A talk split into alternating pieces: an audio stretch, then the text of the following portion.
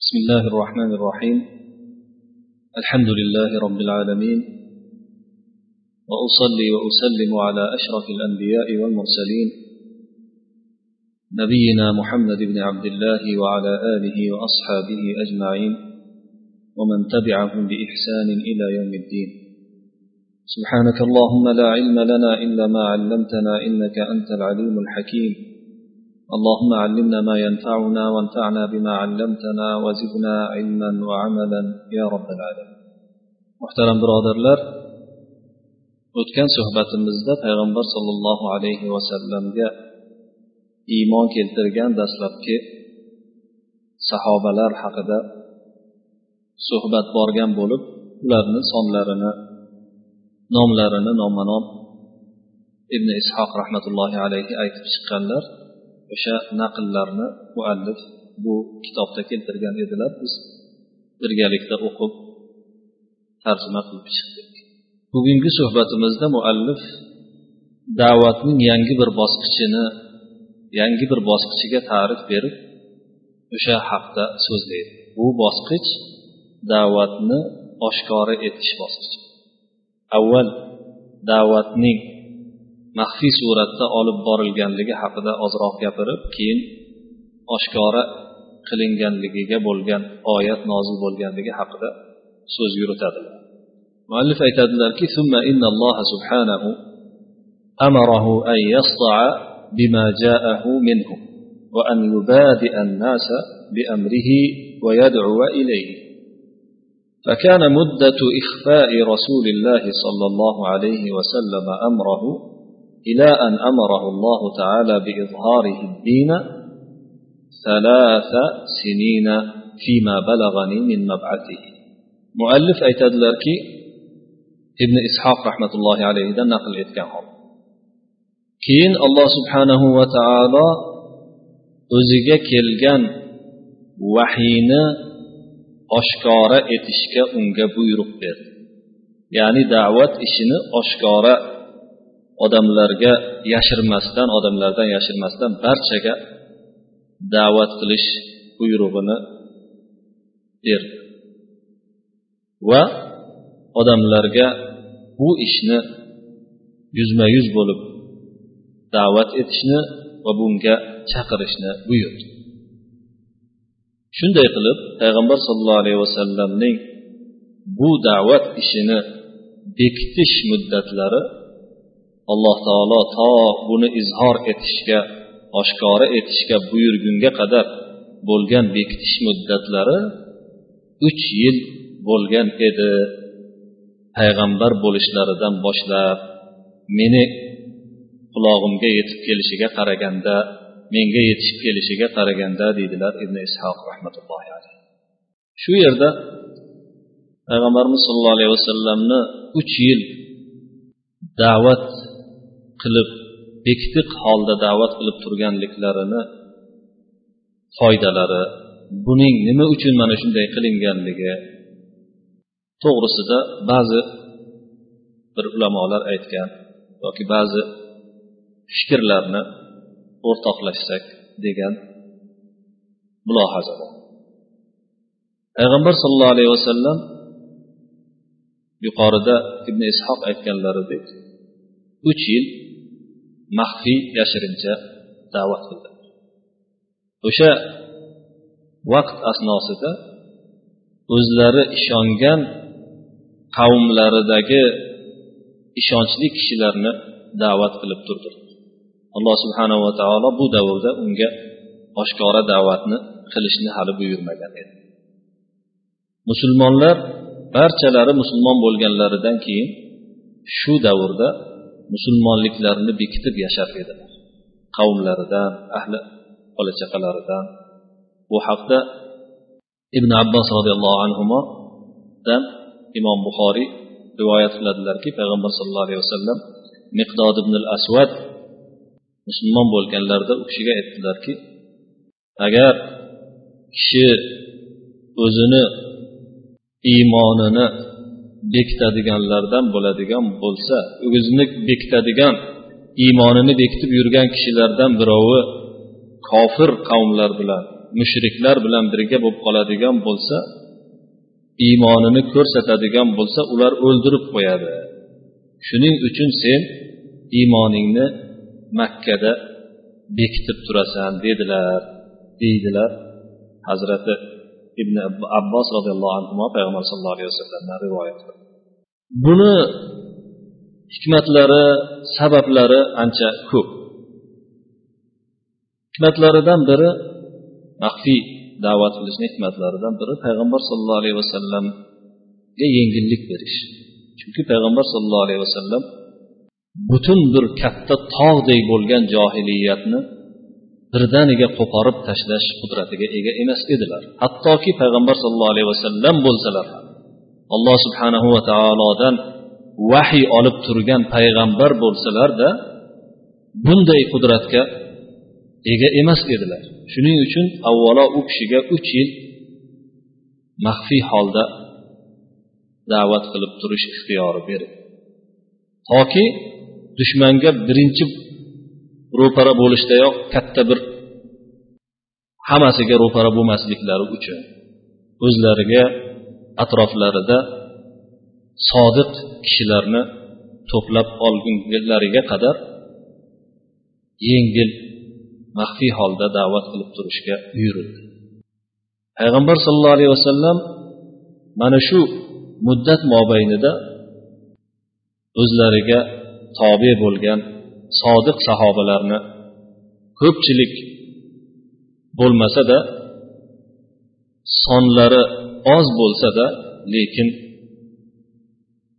sifatlari ajoyib bo'lgan kuchli sahobalarni to'plashga ulgurdilar. Mana shu sahobalar payg'ambar sollallohu alayhi vasallamga o'sha buyruq oshkoralikka buyruq kelgan vaqtda nihoyatda katta tirgak nihoyatda kuchli bir yordamchi bo'ldilar. Ana shundan keyin islom suyanchiq bo'lgan islom e'timod qiladigan kishilarga aylandilar. O'sha birinchi bo'lib musulmon bo'lgan islomning poydevori hisoblangan sahobalar. Endi maxfiy da'vat qilishning o'ziga xos qiyinchiliklari bo'ladi. Payg'ambar sallallohu alayhi vasallam ham o'sha qiyinchiliklarni boshdan kechirdi. O'zlarini doiralaridagina da'vat qilar edilar. Biron kishiga so'zlab aytishdan qo'rqar edilar. Shuning uchun ham uch yil davomida judayam ko'pchilik musulmon bo'lib ketmadi. Shuning uchun payg'ambar sollallohu alayhi vasallamni namoz o'qishlarida namozlarini yashirib o'qishlarida butun johiliyat makka johiliyatga botqog'iga botib hamma tomon johiliyat bo'lib turgan vaqtda islom ta'limini yoyib namozga o'sha musulmon bo'lganlarnigina namozga da'vat qilib ularni namozga hali farz bo'lmagan namozga. Ya'ni o'sha vaqtda namoz farziyati hali kelmagan edi. Lekin shunday bo'lsada payg'ambar sollallohu alayhi vasallam o'zlari bilganlaricha o'sha vaqtdagi ilgarigi ibrohim alayhissalomni namozlarini o'qir edilar o'shanga da'vat qilar edilar. Ufayf ibn amr degan sahobiy roziyallohu anhudan qilingan rivoyatda bu, bu kishi keyinroq musulmon bo'lgan sahobiy hisoblanadilar. Bu kishini bu rivoyatlari ba'zi sunanlarda keladi musnatlarda keladi.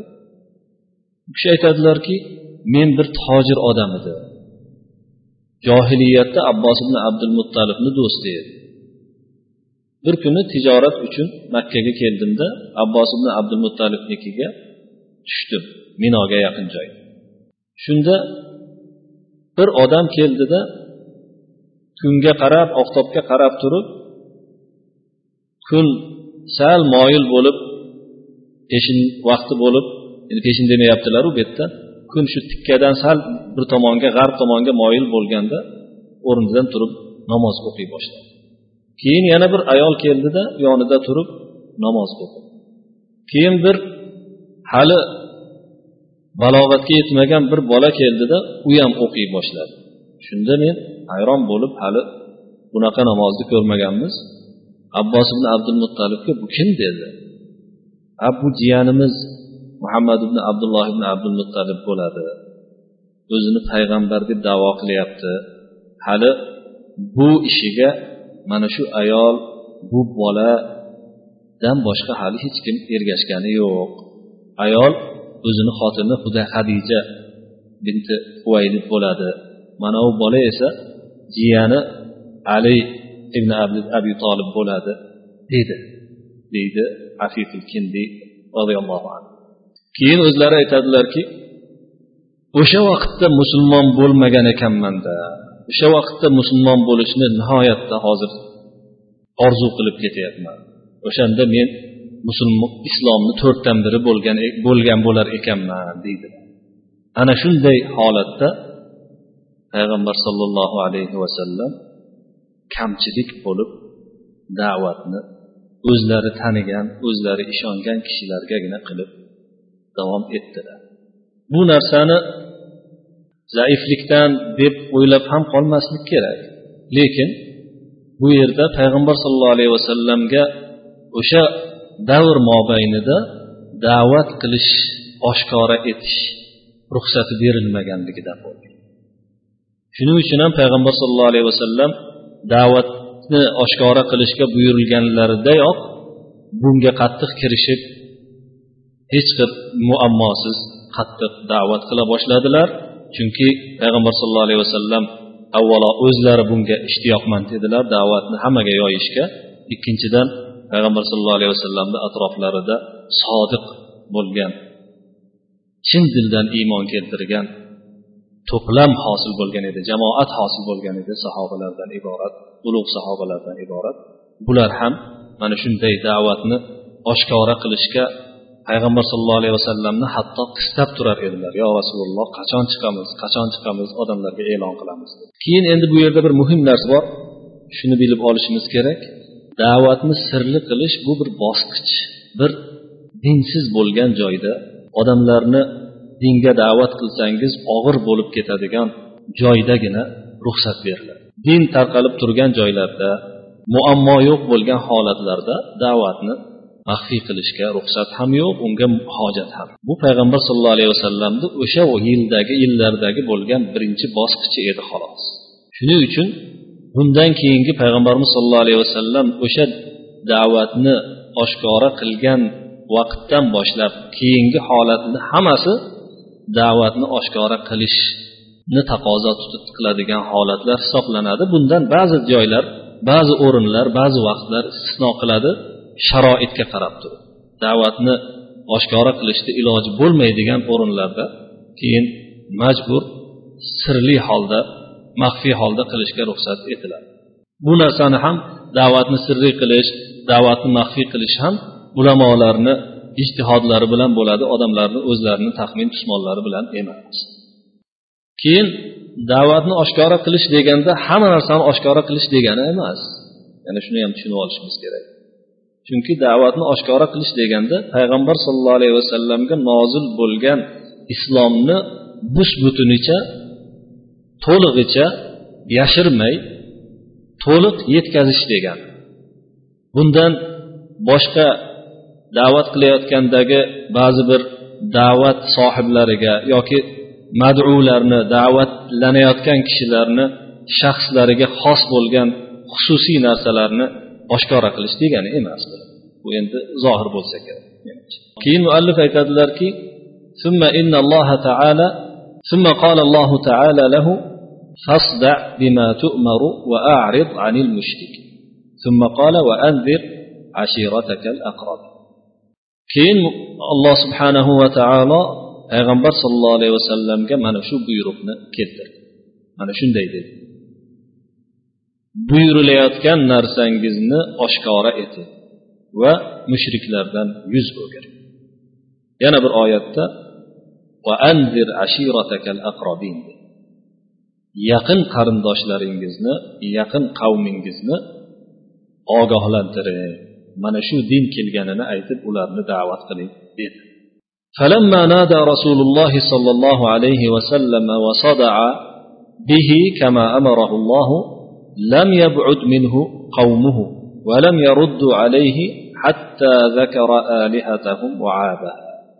فلما فعل ذلك أعظموه ونابذوه وأجمعوا على خلافه, خلافه وعداوته إلا من عصم الله منهم بالإسلام وهم قليل مستخفون. رسول الله صلى الله عليه وسلم islomga nido qilib chaqirib da'vat etib islomni oshkora etganlarida alloh subhanava taolo buyurgan edik. Qavmlari u kishidan uzoqlashib yuz o'girib ketishmadi. U kishiga raddiya ham berishmadi. Qaysi vaqtgacha? Toki ularni xudolarini ilohlarini zikr etib o'sha ilohlarni haqiqiy iloh emasliklarini aytganlaridan keyin faqat allohgagina ibodat qilishga chaqirganlaridan keyin mana shu gapni aytganlarida juda bu narsani qattiq o'zlariga og'ir olishib ana o'shanda keyin dushmanlikni qattiq qilishdida payg'ambar sollallohu alayhi vasallamni bilan ters bo'lishga teskari bo'lishga hammalari bir ovozdan bir yoqadan bosh chiqarib adovat qilishga o'tishdi. Endi bundan bulardan islom bilan alloh subhanava taolo ularni saqlab qolganlari ya'ni musulmon bo'lganlari mustasno edi. Ular endi juda oz o'zlarini o'zlari himoya qiladigan darajada emas yashirin holda musulmon bo'lgan kishilar edi. Demak payg'ambar sollallohu alayhi vasallam da'vatni qilganlarida la ilaha illalloh denglar deganda ma'nosini ular tushunsalarda shu gapga uncha qattiq e'tiroz bildirmay turgan edilar. Ularni ilohlarini sizlarni ilohlaring sig'inayotgan narsalaring bu ibodatga loyiq emas faqat olloh ibodatga loyiq deganlaridan keyin ularni ilohlarini olihalarini xudolarini ayblaganlaridan keyin juda qattiq tarmashib ketishdi adovatni qattiq qilishdi. Demak shu yerda oshkoralikka bo'lgan da'vatdan mana shunday xulosani chiqarib olishimiz mumkin. Islomning asosiy ustunlaridan biri odamlarga da'vatni barchasiga yetkazish butun olamga yetkazish yaxshilarga yaxshi amal qiladiganlarga yaxshilikni bashorat qilib yomon amal qiladiganlarga uqubatni alloh subhanava taolo tarafidan keladigan azob uqubatni aytib ogohlantirib islomni yoyish islomning eng asosiy ustunlaridan biri hisoblanadi. Toki bu islom da'vati bilan alloh subhanava taolo o'zini xohlagan bandalarini bandalarga ibodat qilishdan maxluqlarga ibodat qilishdan bandalar rabbisi bo'lgan bandalar ilohi bo'lgan zotga ibodat qilishga chiqarish uchun. Dunyo torligidan kengligiga dinlarni javru zulmidan islom adolatiga chiqarish uchun mana shu narsa ustun hisoblanadi. Alloh subhanahu va taolo payg'ambar sollallohu alayhi vasallamga hali makkada ekanliklarida quraysh u kishiga adovat qilib butun barcha hiyla nayranglarini ishlatib yotganlarida ushbu oyatni nozil qilganligi sizlarga ma'lum. Alloh subhanava taolo aytadiki sizni biz alloh subhanahu va taologa da'vat qilishga sizni ey muhammad sollallohu alayhi vasallam yubormadik magar butun olamlarga rahmat qilib yubordik deydi alloh subhanava taolo. Yana bir oyatda in huva illa zikro lil alamin. Bu yuborilgan islom butun olamlarga eslatmadan boshqa narsa emas. Eslatmadir deydi alloh subhanahu va taolo. Demak islomni ustuni mana shunday bo'ladigan bo'lsa ochiq da'vat butun olamlarni islom bilan sharaflashga bo'ladigan da'vat bo'ladigan bo'lsa o'z öz o'zidan ma'lum bo'ladiki bunday da'vat quraysh qabilasigagina yoki arablargagina xos emas balki yer yerdagi yaratilgan maxluqlarni aqlli zotlarni barchasiga ollohni bo'lgan rahmati ekanligi bilinadi. Mana shunday bo'lgandan keyin bu narsa bunday rahmatni butun hammaga e'lon qilmasdan turib oshkora qilmasdan turib yetkazib bo'lmaydi. Demak mana shundan xulosa qilib olamizki haligi payg'ambar sallallohu alayhi vasallamni uch yilgina uch yil davomida maxfiy da'vat qildilar degan narsalarini hamma joyda tadbiq qilish bo'lmaydi. Islomning eng asosiy bo'lgan rukunlaridan biri suyanadigan islomga asos bo'ladigan narsalardan bittasi odamlarga e'lon qilish odamlarga oshkora qilish ochiq oydin yetkazish do'zax kimlarga tayyorlab qo'yilganini jannat qanday zotlarga tayyorlab qo'yilganini ochiqchasiga yetkazish. Mana shundan keyin bu narsani eshitgandan keyin har kim o'zini aqliga qarab bunga o'zini munosabatini bildirishda ixtiyorli ekanliklarini ham e'lon qilish bo'ladi keyin muallif aytadilarki وحدب على رسول الله صلى الله عليه وسلم عمه أبو طالب ومنعه وقام دونه لأنه كان شريفا معظما في قريش مطاعا في مكة لا يتجاسرون على مكاشفته بشيء من الأذى demak uch yil davomida payg'ambar sollallohu alayhi vasallam maxfiy ravishda da'vat qilib turgan vaqtlarida hali uncha u kishiga ham sahobalarga ham ozor uncha yetmagan edi. Nima uchun? Chunki ular maxfiy ravishda da'vat qilardilar. Quraysh uncha e'tibor bergan emas edi. Chunki da'vat hali oshkora bo'lmay turib ko'plarga yetib ham bormagan edi. Quraysh bunga unchalik beparvo parvo qilmasdan beparvoroq bo'lib turgan edi. Da'vatni oshkora qilishlari bilan quraysh adovatni qattiq qildi deb yuqorida aytdi shuning uchun ham bu yerda bu muallif aytyaptilarki rasululloh sollallohu alayhi vasallamga ana shunda amakisi abu tolib ancha moyillik qilib u kishini rasululloh sollallohu alayhi vasallamni himoya qila boshladi. Hamda o'zini quraysh kofirlari quraysh mushriklari ro'parasiga tutib berdi. Payg'ambar sallallohu alayhi vasallamni himoya qildi chunki u qurayshni ichida sharafli nasabli ulug' hamda makkada odamlar itoat qiladigan darajada katta haybatli kishi edi.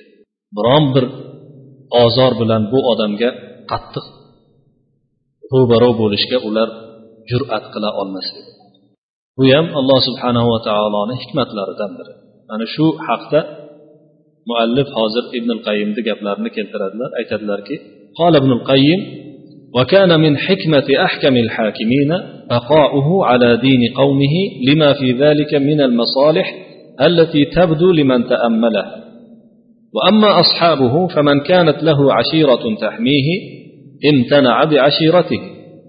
وسائرهم تصدوا له بالأذى والعذاب منهم عمار بن ياسر وأمه وأهل بيته فإنهم عذبوا في الله وكان رسول الله صلى الله عليه وسلم إذا مر بهم وهم يعذبون قال صبرا يا آل ياسر فإن موعدكم الجنة.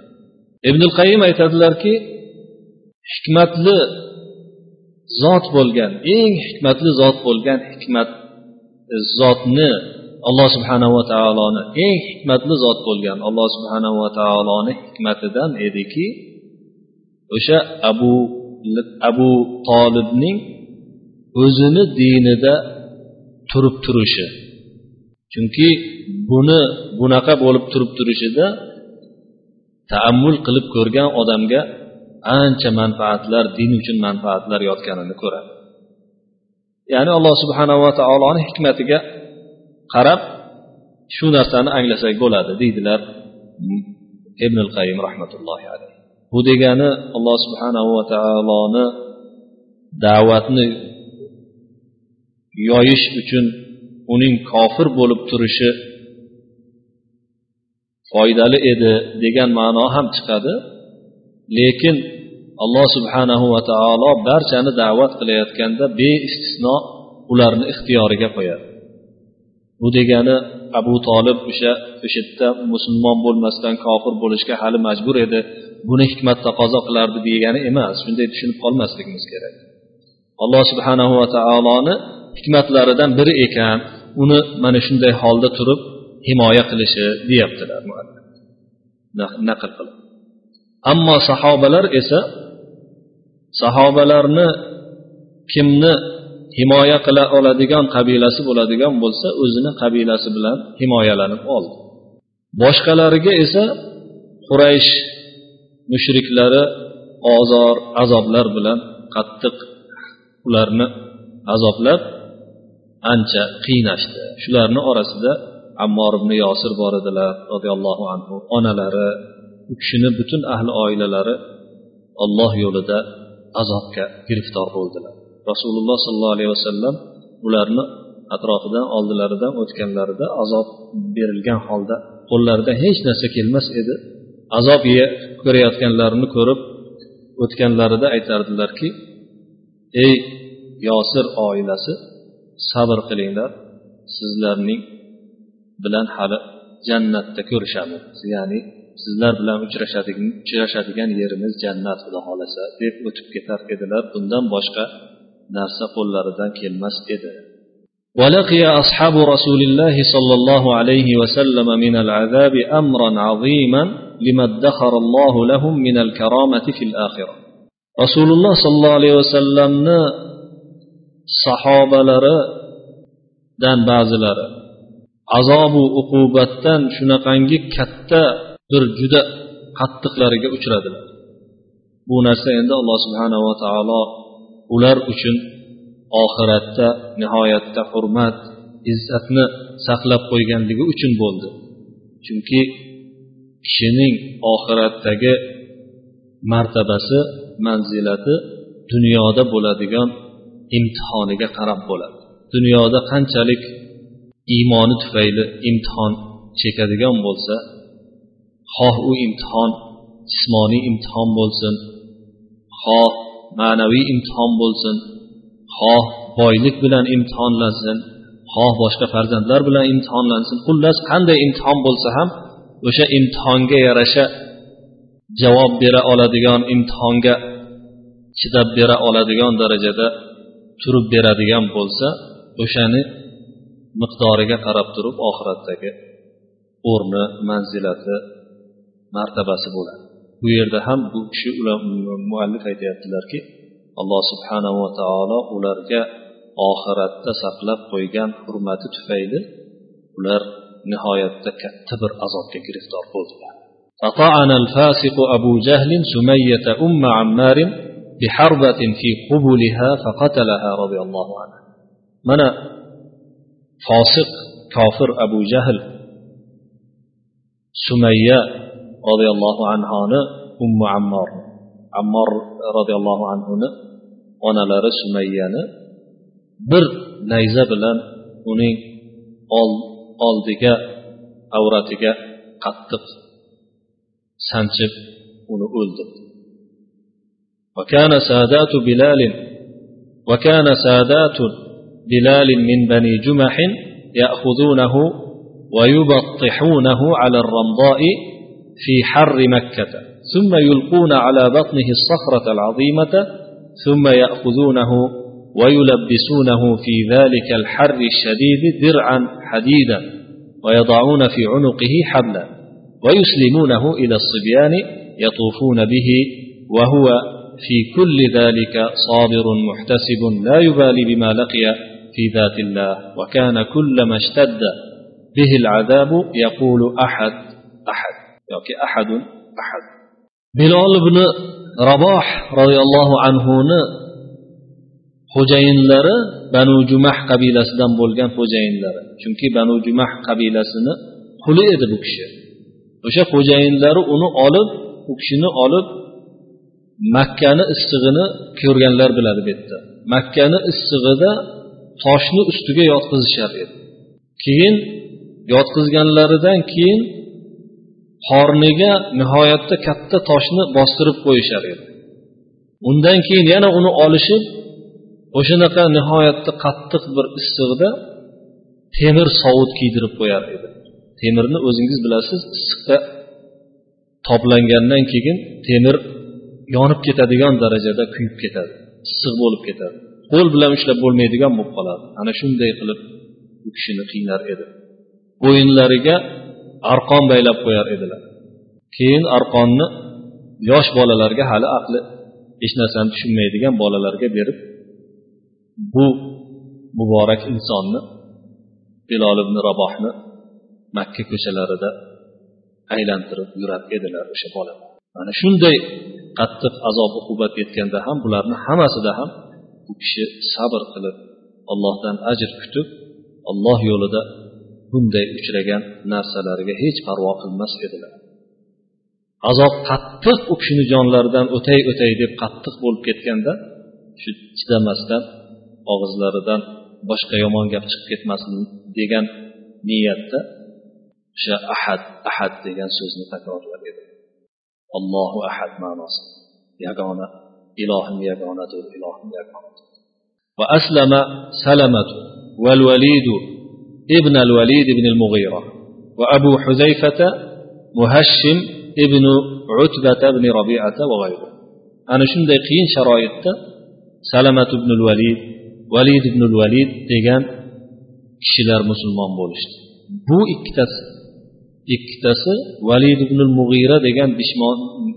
islomni ashaddiy dushmanlaridan birini farzandlari edi keyin abu huzayfa ibn utbat ibn robia ham roziyallohu anhu musulmon bo'ldi va boshqalar musulmon bo'lishdi وأعتق أبو بكر رضي الله عنه بلالا وأمه حمامة مولاته abu bakr roziyallohu anhu mana shunday qullar musulmon bo'lganda nihoyatda jonbozlik ko'rsatdi bilol ibn raboh roziyallohu anhuni ozod qildilar sotib olib onalari bilolni onalari hamoma ozod qildilar o'zlarini xodimalari amir ibn fuhayrata amir ibn fuhayra degan sahobiyni ozod qildilar. Va ataqa umma absin ummu abs degan eski musulmon bo'lgan sahobalardan sahobiya ayollardan e, birini bu kishini ham qul edilar joriya edilar ozod qildilar. Va zinnirota zinnira roziyallohu anhoni ham ozod qildilar. Zinnira degan ayol bu kishi ham qul edi. Zinnira musulmon bo'lganlarida keyin abu bakr kelib bu kishini ozod qilganlarida ollohni imtihoni bilan ko'zlari ko'r bo'lib qoladi. Ko'zlari ko'r bo'lib qolganda odamlar quraysh kofirlari chapak chalib va ana lot bilan uzzoga kofir bo'lganligi uchun ko'zidan ham ayrildi deganda bu kishi balki bunga musulmon bo'ldim men alloh subhanahu va taologa o'zimni topshirdim. Bunga kofir bo'lganligim uchun emas meni ko'zimni ko'r bo'lib qolishi bu ham bir ollohni imtihoni deb ehtisob qilganlaridan keyin rivoyatda kelishicha yana alloh subhanava taolo ko'zlarini bu kishiga qaytarib berdi. Yana ko'zlari qaytadan ochildi va nahdiyata nahdiya roziyallohu anhoni ham bu kishi ham joriyalardan edilar hazrati bilol hazrati abu bakr roziyallohu anhu ozod qildilar vabnataha bu kishini qizlarini ham ozod qildilar وجارية لبني عدي كان عمر بن الخطاب يعذبها على الإسلام وذلك قبل أن يسلم keyin banu adiyni ya'ni hazrati umar qabilalari banu adiyga qarashli bir joriyani kanizakni ham ozod qildilar bu kanizakni hazrati umar ibn hattob hali musulmon bo'lishlaridan ilgari nimaga musulmon bo'lding deb azoblab turar edi o'sha azoblab turganlarida abu bakr roziyallohu anhu kelib ozod qildilar وقيل إن أبا قحافة قال له يا بني أراك تعتق رقابا ضعافا فلو أعتقت قوما جلدا يمنعوك فقال له أبو بكر يا أبت إني أريد ما أريد ففيه نزلت وسيجن وسيجنبها الأتقى إلى آخر السورة aytishlaricha abu quhofa roziyallohu anhu hali musulmon bo'lmaslaridan ilgari bu hazrati abu bakrni dadalari abu quhofa bir kuni abu bakr roziyallohu anhuga xitob qilib ey o'g'lim shu ozod qilayotganingizda juda zaif kishilarni ozod qilyapsizda. Bir kuchli orqasi bor bo'lgan zo'r odamlarni ozod qilsangiz bo'lmasmidi? Sizni keyin foydasi tegib sizni ham himoya qilgan bo'lardi bular dedi u kishi. Hazrati abu bakr roziyallohu anhu aytdilarki ey otajon men bu narsani ya'ni inni uridu ma urid men shu narsani o'zi xohlayapman. Men bu xohlayotgan narsamni o'zi iroda etib turibman ya'ni buni qilayotgan maqsadim men ataylab qilyapman bu narsani. Ana shunda keyin o'sha suray aloni oxiri nozil bo'ldi. Degan oyatidan boshlab ya'ni o'sha do'zaxdan eng taqvodor odam uzoq qilinadi deb boshlanadi u oyatlar. keyin oyatlarni iyag'ida xudo uchun faqatgina allohni roziligini istab qilayotgan amalini faqat allohni roziligini istab qilayotgan kishi ekanligi to'g'risida hazrati abu bakr to'g'risida oyatlar oxirini o'qib olarsizlar bu nimani surai aloni tafsirdagi tarjimalar قال ابن إسحاق وكان رسول الله صلى الله عليه وسلم يقول فيما بلغني ما دعوت أحدا إلى الإسلام إلا كانت فيه عنده كبوة ونظر وتردد إلا ما كان من أبي بكر ما تردد فيه ابن إسحاق رحمة الله عليه aytadilarki لك رسول الله صلى الله عليه وسلم shunday der edilar menga yetib kelishicha deydilar men islomga biron kishini da'vat qilmadim agar da'vat qilgan bo'lsam o'sha odamda islom haqida bir bir tislanish bir ikkilanish bir avval o'ylab olish bo'lgan. Edi bundan abu bakr mustasno edi. Bu abu bu kishi biron marta hech ikkilanib o'tirmadilar. Da'vatni qilishim bilan musulmon bo'ldilar deydilar hazrat rasululloh sollallohu alayhi vasallam. Ibn ishoq rahimaullohni hikoyalarida bu rivoyatni to'liq san'at bilan daloili nubuvada ibn ishoqdan to'liq san'at bilan rivoyat qiladilar bayhaqiy hamda tarixi dimashqda ibn asokir ko'pgina isnodlar bilan naql etganlar bu hikoya. Suhbatimiz ushbu yerga yetganida sizlar bilan bugungi suhbatga yakun yasaymiz. Keyingi suhbatda uchrashgunimizga qadar sizlarni alloh subhanava taoloni hifzi himoyasida bo'lishingizni so'rab sizlar bilan xayrlashamiz va sallallohu vasallam وبارك على نبينا محمد وعلى آله وصحبه أجمعين. السلام عليكم ورحمة الله.